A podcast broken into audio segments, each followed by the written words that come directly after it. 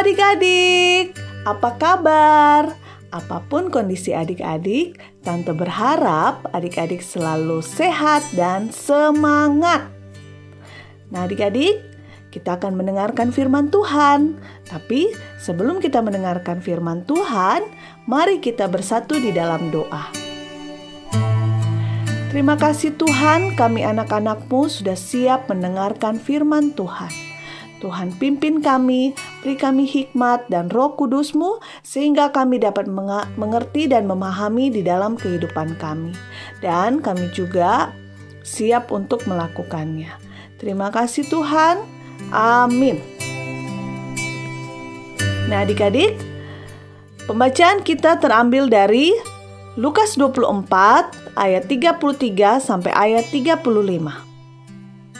Yuk buka Alkitabnya Lukas 24 ayat 33 sampai ayat 35. Kita baca yuk. 1 2 3. Lalu bangunlah mereka dan terus kembali ke Yerusalem. Di situ mereka mendapati kesebelas murid itu. Mereka sedang berkumpul bersama-sama dengan teman-teman mereka. Kata mereka itu, "Sesungguhnya Tuhan telah bangkit dan telah menampakkan diri kepada Simon." Lalu, kedua orang itu pun menceritakan apa yang terjadi di tengah jalan dan bagaimana mereka mengenal Dia pada waktu Ia memecah-mecahkan roti. Demikianlah pembacaan Firman Tuhan.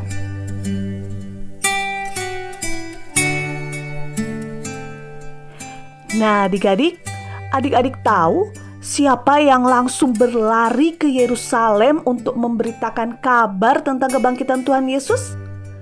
Iya betul, namanya Kleopas dan rekannya atau temannya.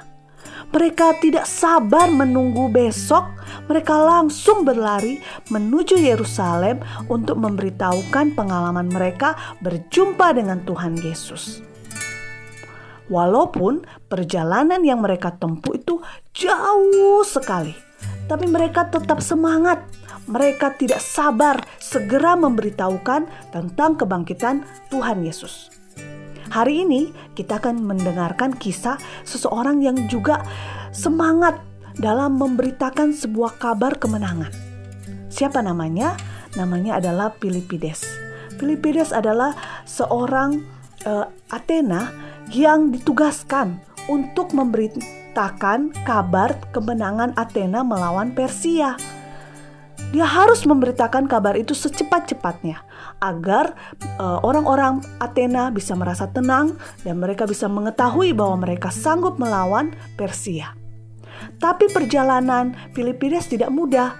Dia harus menempuh uh, jarak 40 km menuju Athena dari pantai Maraton. Dia berlari terus tanpa henti. Sesampainya di Athena ia berteriak, Neni kekamen, Neni kekamen. Artinya apa? Artinya kita menang, kita menang.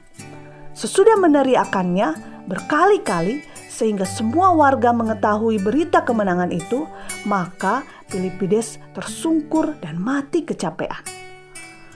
Untuk menghormati dan mengenang keperwiraan Filipides, maka Olimpiade modern melombakan pada cabang atletik lari menuju jarak 42.195 km yang disebut dengan lari maraton.